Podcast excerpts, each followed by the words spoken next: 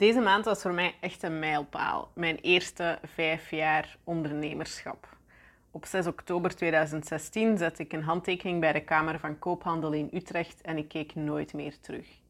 Die vijf jaar zijn op zijn zachtst gezegd super interessant geweest. Super leerzaam, uitdagend en confronterend. Want ja, ik denk dat je eigen baas zijn en een eigen bedrijf hebben ook sowieso altijd jezelf confronteert met jezelf. En met alle onzekerheden die je hebt als persoon en alle twijfels en belemmerende gedachten.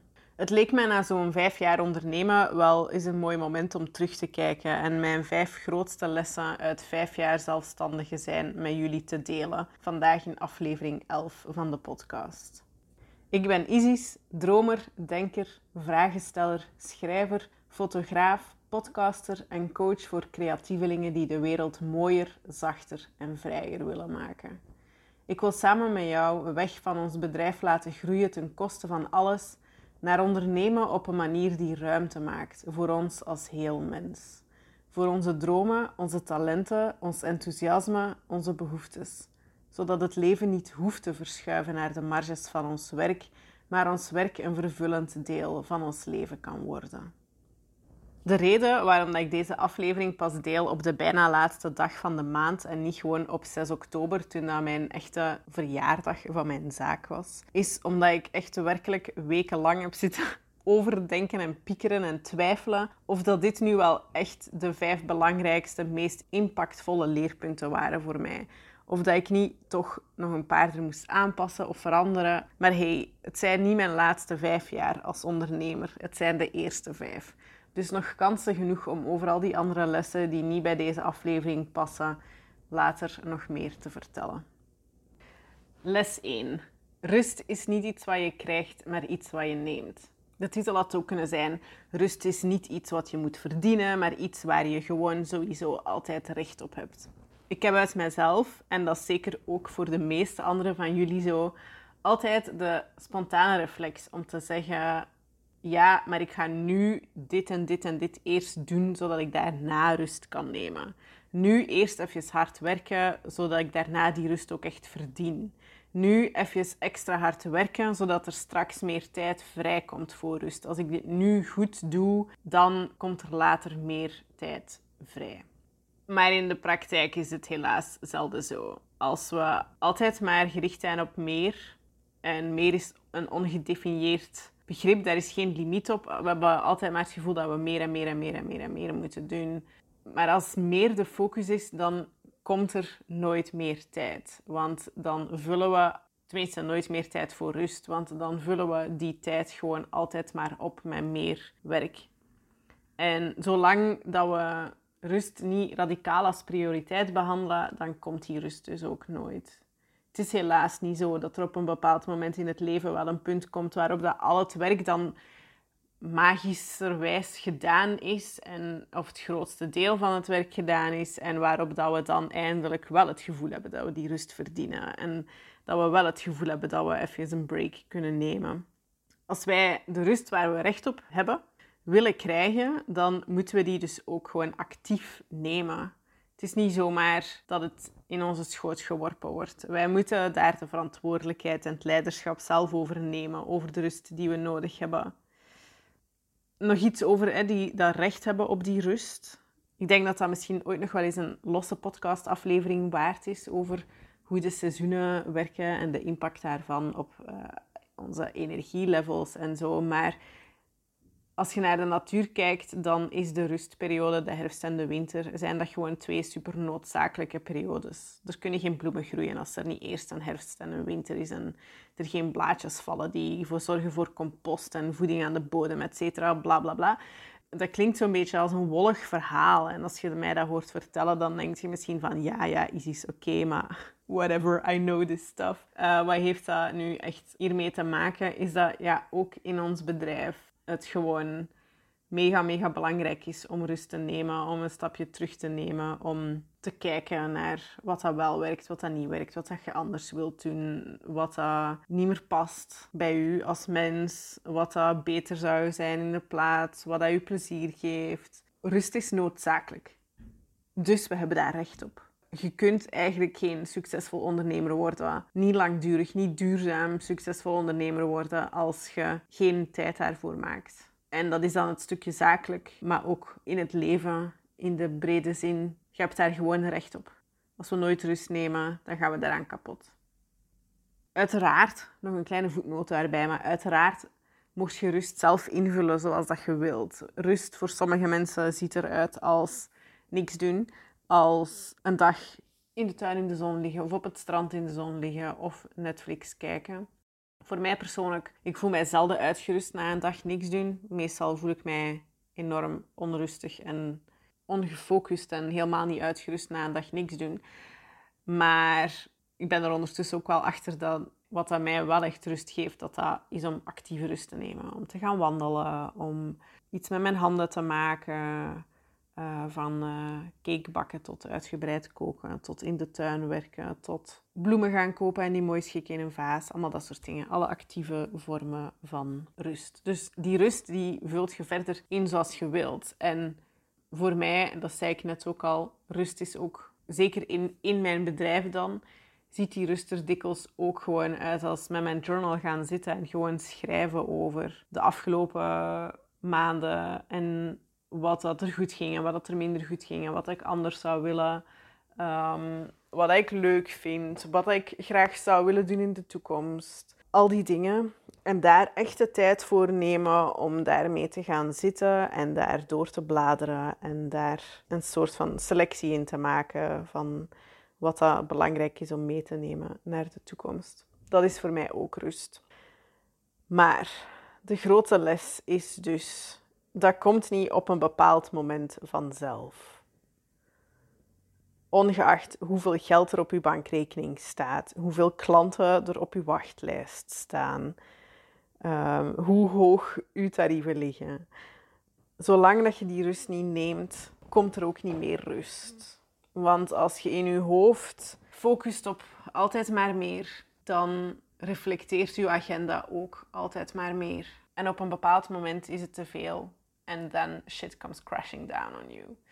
Dus, um, dus dat was voor mij. Misschien, ik heb getwijfeld of ik ze op nummer 1 zou zetten, maar ik denk toch wel de nummer 1 les.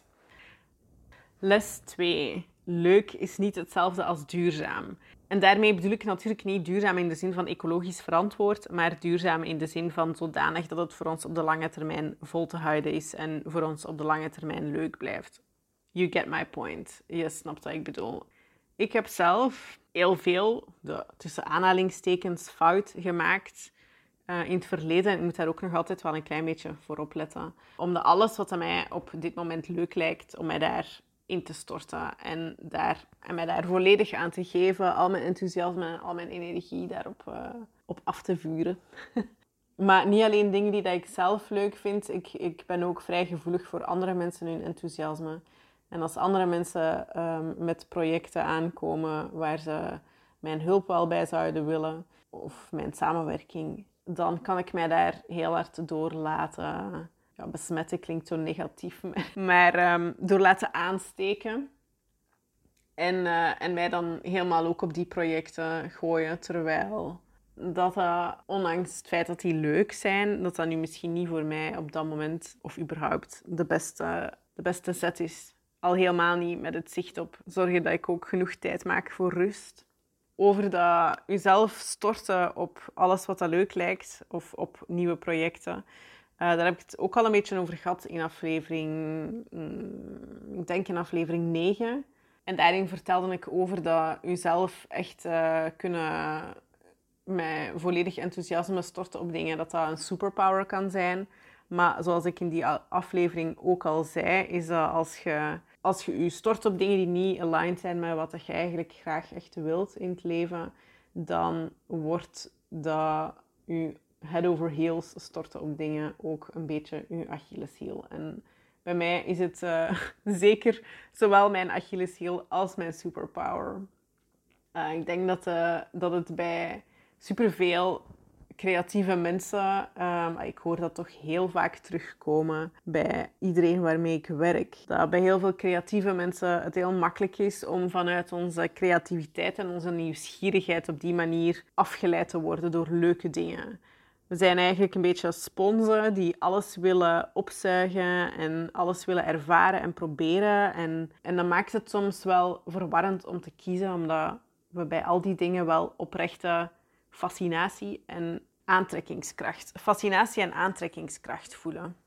Maar waar dat we niet zo vaak niet genoeg over nadenken, is of dat die dingen ook echt bij ons passen. Of dat dat dingen zijn die we op de lange termijn graag in ons leven willen. Um, over waarom dat we die dingen doen. Of ons daardoor laten meeslepen. Wat dat de grotere overarching uh, het, het grotere overarching doel daarvan is in, uh, in ons bedrijf en in ons leven en hoe dat, dat past binnen ons bedrijf en binnen onze toekomststromen. Uh, want er is natuurlijk niks mis, en daar ga ik het zelfs nog over hebben, om aldoende dingen te leren en om aldoende erachter te komen dat waar we mee bezig zijn, uh, of dat dat wel of niet bij ons past. Maar dikwijls kun je dat ook al wel een beetje op voorhand weten je kunt dat vaak wel al herkennen. Of dat, dat je iets aan het doen bent vanuit een soort van FOMO of uh, besmettelijk enthousiasme. Of dat je iets aan het doen bent omdat het echt past bij, bij wie dat jij uh, zijt. Wat ik zelf nu probeer om systematisch te doen, is om bij alles, alle dingen die ik aanga, alle projecten of samenwerkingen, mezelf de vraag te stellen van voelt dit aligned? Past dit bij mij? Past dit bij mijn visie en mijn, past dit bij mijn dromen?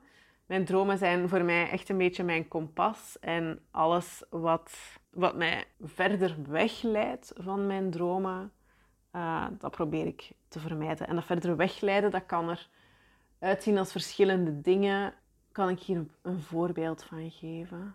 Bijvoorbeeld, een algemeen voorbeeld. Even, um, iedereen maakt tegenwoordig workshops, online workshops. Moet ik dan ook een online workshop maken als ik um, meer passieve inkomstenstromen wil hebben? Ik heb daar eigenlijk helemaal geen zin in. Moet ik dat dan doen? En als het helemaal niet je doel is om bijvoorbeeld... Als, als jij nu zegt van ja, ik word gewoon super blij van, uh, van één op één werken, van direct contact met de mensen waarmee ik samenwerk. En dat is waar dat ik super blij van word. En de rest geeft mij helemaal geen vreugde. Dat is hoe dat ik mijn uh, werkweek het liefste van al zou willen vullen. Met, met zoveel mogelijk um, één op één contact met klanten, dan is wellicht heel veel tijd gaan stoppen in het ontwikkelen en het vormgeven van een online workshop helemaal niet voor u. Dat bedoel ik. Maar zelfs ook als, want in, toen ik het voorbeeld dan even schetste, had de persoon er niet zoveel zin in, maar het kan er ook uitzien als van, oh ja, dat zou eigenlijk wel leuk zijn, dat zou wel cool zijn. Ik heb eigenlijk wel genoeg materiaal om een online workshop mee te vullen. Ik heb daar wel ideeën voor, maar dat het dan ook nog altijd niet hoeft te betekenen dat je dat dan dus moet doen. Want als dat niet is waar dat jij echt op, aan, op aangaat, dan heeft het alsnog weinig zin om daar tijd in te investeren. I guess dat dat wel duidelijk maakt wat ik bedoel. De tweede vraag die ik mezelf stel bij, bij alle engagementen die ik aanga, is ja, wat is, mijn, wat is mijn doel hiermee echt? Wat wil ik hiermee mee bereiken? Wat wil ik hieruit leren? En is deze actie wel de juiste om dat doel te bereiken? Want ook al hebben dingen in de long run geen vaste plek in uw bedrijf, je kunt wel nog altijd dingen doen in functie van het opbouwen van ervaring. Ik denk dat dat als iets bijdraagt aan ervaring die je wilt opbouwen, dan kan het kan dat ook een goede reden zijn om het wel te doen. Maar dingen die, die eigenlijk geen, dus geen, geen functie hebben, nog omdat het past in uw, in uw lange termijn dromen, of omdat het bijdraagt aan uw vaardigheden opbouwen, dan kun je ze beter niet doen. Of toch niet binnen uw werk. dan kun je ze beter doen in uw vrije tijd of als hobby. En ze ook echt labelen als vrije tijd en hobby. Want een van de dingen die ik heel vaak zie bij anderen, maar die ik ook heel erg zelf heb ervaren. Want je kunt nu misschien denken, ja, Isis Jezus, um, zo belangrijk is dit toch allemaal niet? Als het leuk is, waarom zou je het dan niet doen? Maar een van de, van de belangrijke redenen waarom dat ik dit zo'n belangrijke les vind, misschien had ik daarmee moeten beginnen, mijn verhaal, is omdat op het moment dat we heel veel dingen doen die we leuk vinden en het wordt gewoon te veel, dan hebben we nog aan het eind nog altijd gewoon het gevoel van we zijn veel, ik ben de hele tijd, ik ben de hele tijd aan het werken. Ik heb nooit vrije tijd. Ik ben alleen maar aan het werken, werken, werken, werken. Duizend en één dingen tegelijkertijd. Maar ik zie van geen van die dingen eigenlijk echt resultaat. En dan krijg je een soort van burn-out eigenlijk. En dat verwoest de energie die je hebt om voor de belangrijke dingen, om je in te zetten voor de belangrijke dingen die je wel dichter naar die dromen brengen. En dat zorgt ervoor dat je dus eigenlijk een beetje, dat je het gevoel hebt van tien slagen in de ronde. Alleen zo echt als een, dat je aan het spartelen bent de hele tijd. Aan het spartelen om boven te blijven drijven. En ja, en daarom vind ik dus super belangrijk om hier op een bedachtzame en intentionele manier mee om te gaan. Ik heb natuurlijk, ik denk de eerste aflevering van mijn podcast was meer doen van wat je leuk vindt. En ik ben uiteraard super voorstander, nog steeds. Ik sta nog 100% achter die aflevering. Achter meer doen van wat dat je leuk vindt. Maar niet alles wat dat je leuk vindt verdient dezelfde dedication. Want op het moment dat je dat niet gaat filteren en dat je dus vanuit je creatief enthousiasme en um, sponsgehalte, dat je alles gaat doen, dan zit burn-out heel snel achter het, ja, achter het hoekje. En dat moeten we natuurlijk niet willen. Les 3. Ondernemen wordt makkelijker en lichter als je het bekijkt als een spel. Het duurde bij mij bijna 4,5 jaar. Nee, ik overdrijf een beetje. Maar toch dik vier jaar tot ik, echt mij, tot ik mij dit echt realiseerde. Tot dat echt doordrong. We zijn zo bang om het, uh, om het verkeerd te doen. Dat ondernemen. Om dingen te doen die niet gaan werken. Om niet genoeg geld te verdienen. Om dat andere mensen in onze omgeving ons bedrijf en ondernemerschap niet serieus gaan nemen. Om door anderen gezien te worden als een mislukking of als iemand die maar een beetje dabbelt en niet echt serieus ermee bezig is. Maar die zoektocht, allee, of in elk die druk om het, om het van de eerste keer uh, goed te doen, om het allemaal juist te doen, die legt ook heel veel druk op onze, onze schouders, uh, waardoor dat allemaal zwaarder, en moeilijker voelt. En waardoor er dan ook weer minder energie is om dingen te doen, om in actie te schieten. Heel veel van onze tijd gaat dan naar het uitstippelen van de perfecte blueprint die ons ehm, de resultaten gaat brengen die we willen. En dan gaat daar eigenlijk superveel tijd naartoe die we beter in het nemen van acties zouden kunnen steken. En op het moment dat we iets voor de eerste keer doen en dat we echt nog volop aan het leren zijn en aan het ontdekken zijn, eigenlijk al gaan zitten nadenken over alle 500 stappen tussen nu en waar we naartoe willen. Dat is meestal ook niet heel nuttig, omdat heel veel van de stappen die we uh, denken te gaan tegenkomen of te gaan moeten nemen, dat we die eigenlijk helemaal niet moeten nemen. Soms kunnen we er tien of twintig van overslaan en dat ook problemen die we niet kunnen voorzien uh, op dit moment dat we daar mee te maken krijgen en dan um, dat dan ons hele plan in het water valt. De meeste dingen die kun je pas leren of ontdekken door ze te gaan doen en, um, en door het te zien als een spel wordt het veel makkelijker. Door dat minder serieus te gaan nemen, door daar een soort van ontdekkingstocht van te maken voor onszelf, waarin er ruimte is om, um, om dingen imperfect te doen, waarin we vanaf het begin ruimte maken voor onszelf om te falen, om te mislukken, om de verkeerde weg te kiezen, om terug te moeten keren en ehm, van nul of vanaf een vorig punt terug te moeten vertrekken. Er zijn natuurlijk wel spelregels in het opzetten van een bedrijf. Er zijn bepaalde stappen die je moet doen, ehm, zoals ik denk maar aan u gaan registreren als een bedrijf. Maar, uh, maar ook ja, als je iets wilt, als je je diensten wilt verkopen, dan zijn er bepaalde stappen waaraan dat je moet voldoen. Hè. Je moet mensen bereiken voordat je aan mensen kunt verkopen. En om aan mensen te kunnen verkopen heb je ook eerst een aanbod of een dienst of een product nodig.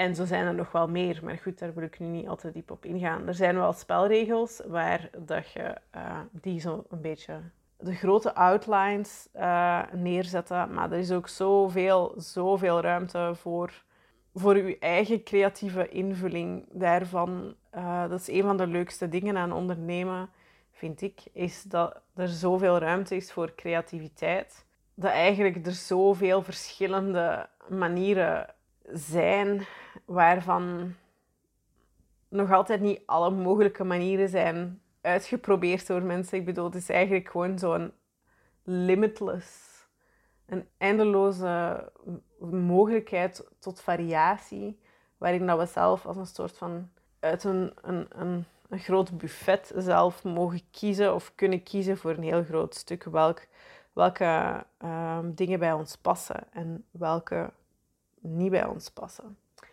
Ehm, en door er op die manier naar te gaan kijken, dat maakt het voor mij in elk geval een heel stuk lichter. En daardoor heb ik in het voorbije jaar dingen gedaan die ik daarvoor absoluut niet had gedurfd, maar die mij wel superveel hebben gebracht. Iets wat ik nu dus doe, bijvoorbeeld, is bewuste imperfectie opzoeken.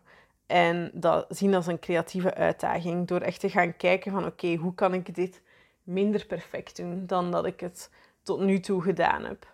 Uh, en een voorbeeld daarvan is dat ik deze maand bijvoorbeeld 10 Voxer coaching dagen verkocht heb vanuit een Google Doc. Voor degenen die uh, dit gemist hebben, een Voxer coaching dag is eigenlijk een dag van coaching via de app Voxer. Uh, het is een bericht of een messaging app, een beetje zoals WhatsApp. Eh, maar dan een beetje beter. Toch voor het doel van coaching. Waarbij ik samen met uh, mijn uh, coachie een hele dag werk aan een bepaald project of rondom een bepaald mindset topic waar ze op dit moment tegen, tegenaan lopen of niet helemaal uitkomen. En het leuke aan zo'n dag, eigenlijk is zo'n Voxerdag een beetje als een zoals dat heet in coachingland, een VIP-dag of een one-day intensive. Dat je gewoon echt een hele dag de tijd hebt om eh, rustig door dingen heen te werken, maar ook om aan dingen te werken. En mij alle vragen kunt stellen die, die je hebt. Ik jouw vragen kan stellen die je verder doen nadenken en je helpen in uh, je transformatie. En het fijne daaraan is, tegenover een, een standaard videocall van één uur, is dat in een, in een videocall van één uur ik wel allemaal antwoorden kan geven op jouw vragen, maar dat dat meestal meer op het kennisniveau blijft. En bij zo'n Voxer-dag kan je echt een transformatie ondergaan. Aan het einde van de dag kijk jij zelf anders naar jouw eigen, naar jouw eigen situatie of naar jouw uh, eigen manier van werken, dat doe je nu op een andere manier dan uh, toen we s ochtends begonnen. In plaats van dat ik enkel heb verteld, oh ja, dit is hoe ik het doe. Goed, even een zijspoortje over de Voxer coaching. Wat ik wilde vertellen was dat ik er deze maand dus tien verkocht heb van die Voxer dagen. Iets wat eigenlijk helemaal nog niet aangeboden wordt in, uh, in, de, in het Nederlands taalgebied. Het concept bestaat al wel, ik heb het niet zelf uitgevonden, maar het is voor hier dus echt iets nieuws, iets wat dan mensen helemaal niet kennen. En old me, die zou gedacht hebben van, ja, maar ik moet eerst, voor ik hiermee begin, ik moet eerst um, een uh, mooi uh, gelayoutte salespagina op mijn website maken met alle informatie. En uh, voor ik hier geld voor kan vragen, moet ik ook eerst, eerst een aantal testsessies daarvan gedaan hebben en reviews hebben, zodat ik, zodat ik dit met tussen aanhalingstekens social proof kon verkopen aan de wereld mijn huidige me, current me, die, uh, die dacht, uh, ja nee, want dan duurt het nog tot januari voor ik het allemaal klaar heb. En ik wil daar helemaal niet zo lang mee wachten, want ik vind dit super leuk. Ik ben hier mega enthousiast over. Ik voel tot in mijn kleine teentjes dat dit eigenlijk het soort van werk is waar ik uh, het liefste um, mijn dagen mee zou vullen. En, en ik wil daar nu al mee starten. Dus ik bouwde gewoon een Google Doc met een beetje basisinformatie. En ik verkocht de eerste sessies aan een gereduceerd tarief. En dan op basis van die ervaring vulde ik die Google Doc aan met de eerste reviews ook erbij. Iedereen was trouwens echt mind-blowingly enthousiast, dus dat is uh, superleuk. Um, en toen, dus op basis van die eerste gesprekken, paste ik, paste ik die Google Doc aan. Totdat het eigenlijk nu een beetje een ruwe eerste versie of een, ja, first draft van een toekomstige salespagina is geworden. Maar ik hoefde daar helemaal niet voor te layouten. Ik kon dat gewoon gaandeweg, gaandeweg blijven aanvullen met extra informatie en dingen waar ik aan dacht vanuit de ervaringen van die eerste, eerste da dagen die ik, uh, die ik deed. En voor er überhaupt een websitepagina was, heb ik er tien van verkocht op deze manier. En Past Me had echt zoiets gehad van, um, ja, maar nee, dat kan toch helemaal niet.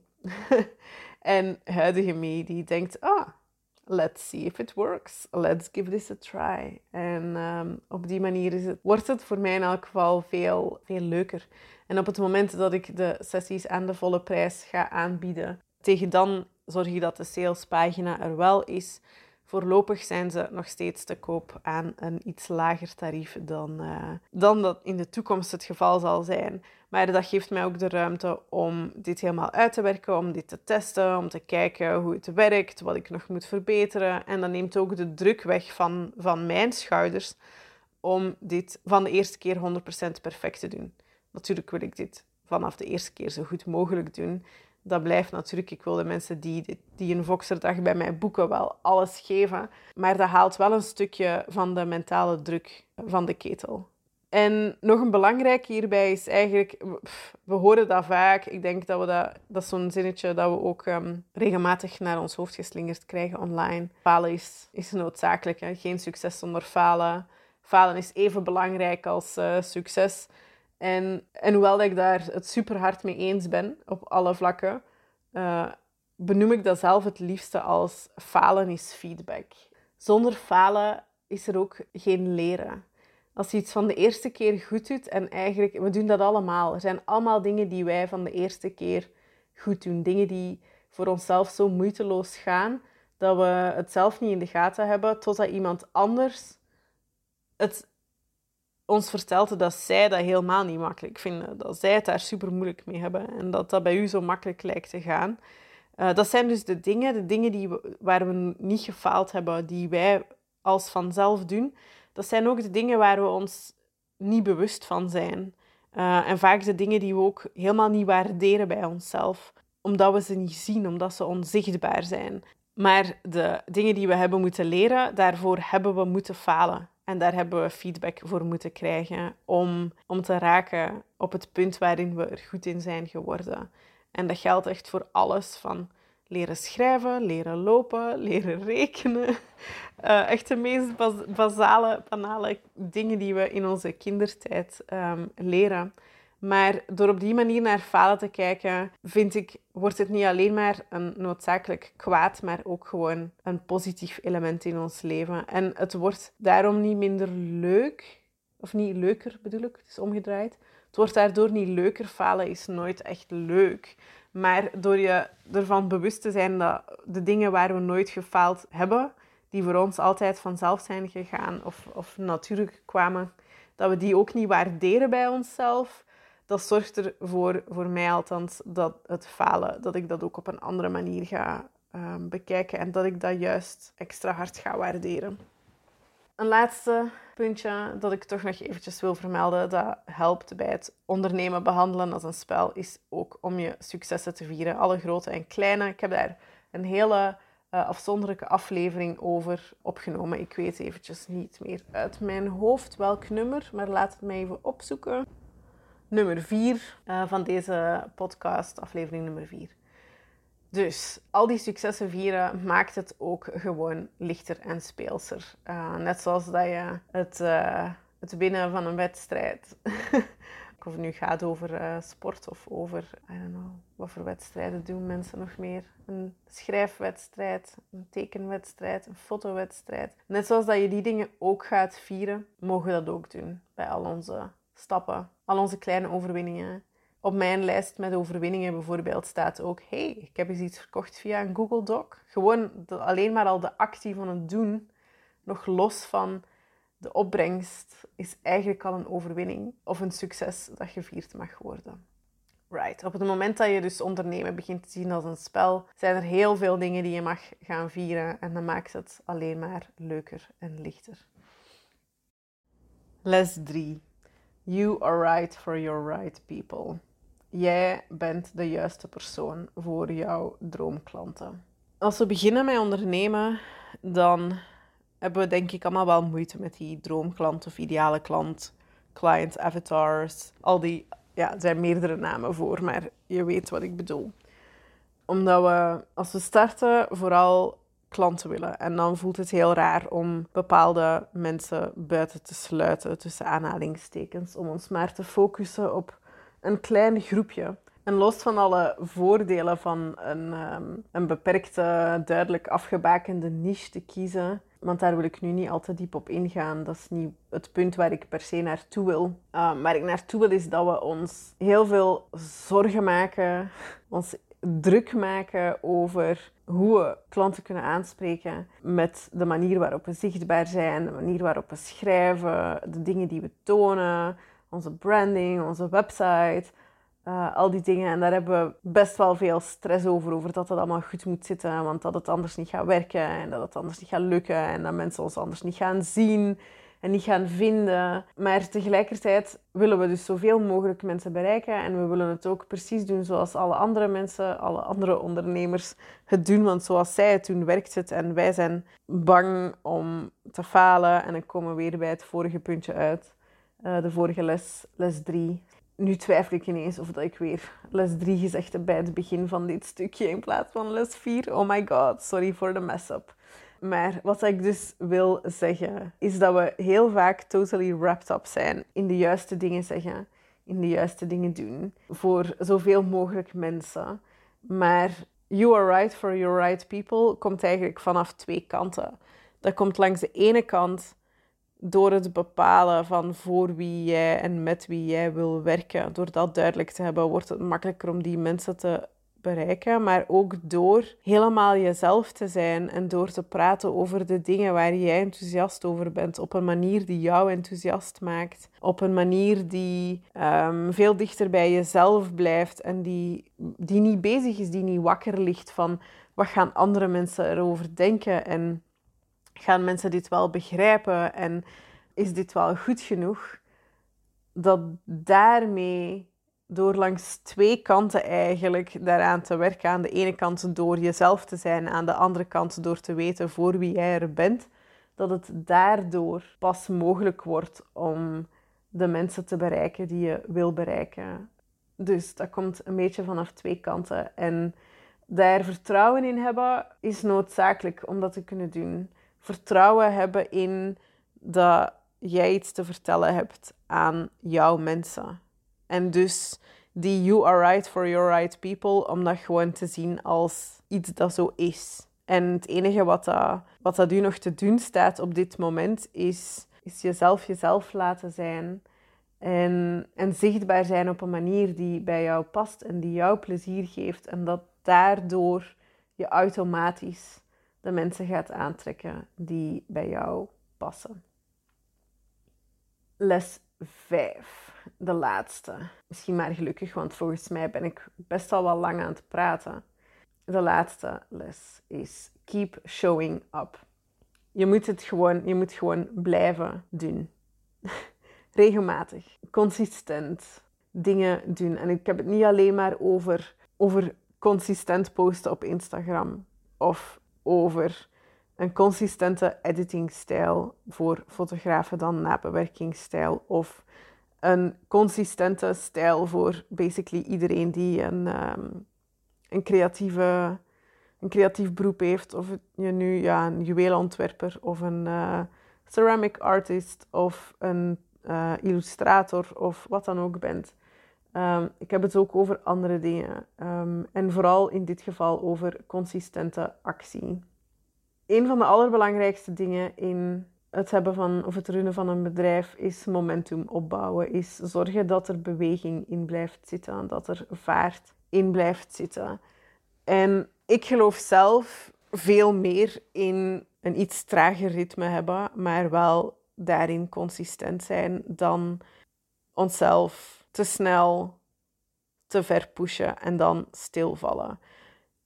En daarmee bedoel ik dan, kijk, het heeft weinig zin om de ene maand voluit al in te gaan en dan de andere maand zo moeten zijn dat er niks gebeurt. Waarmee ik niet wil zeggen dat ik heb, ik heb in principe niks tegen snel groeien. Ik vind snel groeien ook leuk. En als er dus veel vaart in zit, daar word ik ook blij van. Maar het moet een, een duurzaam level van vaart. Oh my god, wat een draak van een zin zijn. Maar je uh, snapt hopelijk wel waar ik heen wil. Momentum ziet er dus voor iedereen een klein beetje anders uit. Voor de ene is momentum een iets trager tempo dan voor de andere. Maar wat het voor iedereen gemeen heeft, is dat er een constant of een vrij constant tempo is. Dat er um, een vrij constante opeenvolging van acties is. En het allerbelangrijkste om dat voor elkaar te krijgen voor mij is om stil te staan bij welke acties er goed voelen en welke acties er juist zijn voor mij. Niet voor de wereld, niet voor het, de perfecte business blueprint, niet voor wat de anderen verwachten, maar voor mij. Waar wil ik, uh, hoe wil ik consistent actie ondernemen en zichtbaar zijn? En het, het moeilijke met dit onderwerpje, voor mij in elk geval, is mijn ongeduld. Ik wil snel veel resultaten zien. Op het moment dat ik die consistente, systematische actie moet uitvoeren, dan word ik al snel, wordt het al snel saai en ga ik mij snel vervelen. Maar we geven dikwijls veel te snel op, of veel te makkelijk op. We laten te snel dingen los we vertellen onszelf dat we gefaald zijn, dat ze niet gelukt zijn, dat er nog steeds geen resultaat is. Terwijl we eigenlijk, ja, terwijl de eigenlijk net achter het punt van waar dat we willen opgeven, dat daar de doorbraak ligt. En ik las deze week een, um, een heel random stukje in een nieuwsbrief van een andere uh, coach, een Engelse die schrijft van I often think about Seth Godin writing a blog every day for five plus years before people started noticing him. En ik moest even opzoeken wie dat Seth Godin ook al was, want dat is zo'n naam die je wel eens hoort. Dus je bent niet alleen als je niet weet over wie het gaat. Maar het is een Amerikaans auteur met een hele lange lijst van businessboeken op zijn, um, op zijn cv. Maar het punt wat ik wil maken is dat ook heel succesvolle mensen vaak hele lange wegen hebben moeten afleggen voordat ze bij hun succes terechtkomen.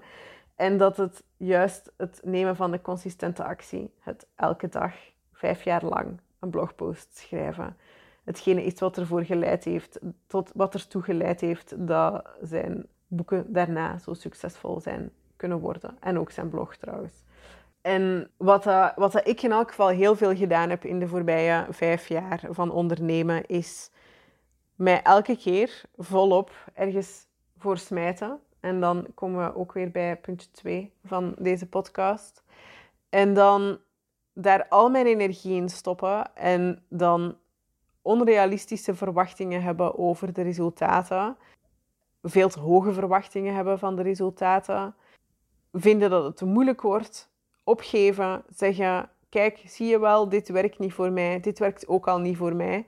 En dan helemaal van nul terug opnieuw beginnen met iets anders. en hetzelfde verhaaltje, keer op keer opnieuw, ehm, opnieuw afspelen.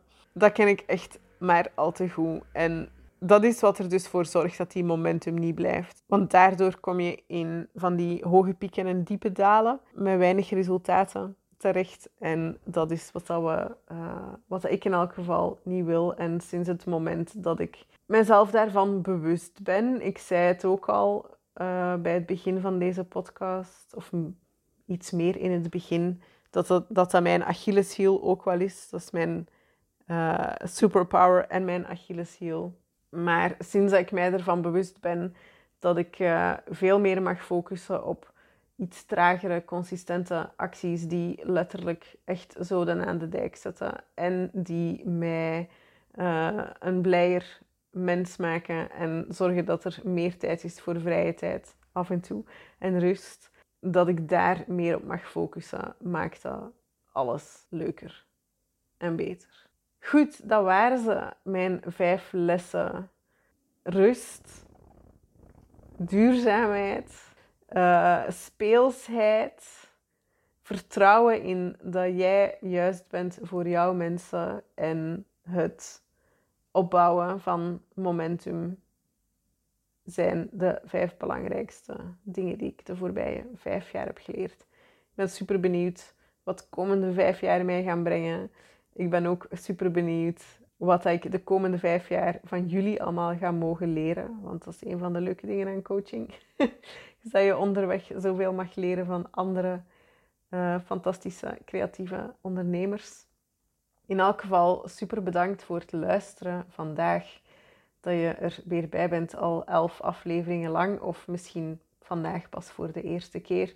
Hoe dan ook, ik hoop dat je er de volgende keer uh, weer bij bent als je op de uh, volgen of wat is het, subscribe of abonneer knop klikt in um, Spotify of waar je dan ook naar deze podcast luistert, dan krijg je uh, ook een melding als de volgende aflevering online komt.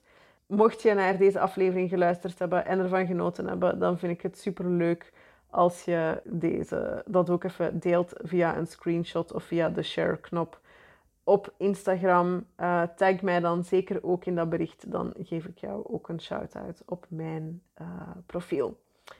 En mocht het je leuk lijken om uh, samen met mij te werken aan een van deze lessen binnen jouw bedrijf of iets anders waar jij op dit moment tegenaan loopt, dan um, nodig ik je graag uit voor een kennismakingsgesprek om eens te kijken of wij samen ook in real life een, uh, een goede match zijn. De link daarvoor vind je, alle links trouwens, ook voor mijn Instagram, vind je in de uh, beschrijving van deze aflevering. En uh, dan sluit ik hier nu rustig af. Wens ik jullie um, een heel fijn weekend. Tenminste, als je hem luistert op het moment dat hij online komt, een heel fijn weekend. En ik hoor, nou ja, het is niet echt horen. Ik hoor jullie natuurlijk niet. Ik blijf dat echt, ik blijf echt altijd dat verkeerd zeggen. Maar in elk geval, het lijkt me super tof als je de volgende keer er weer bij bent. Dus in elk geval, tot dan.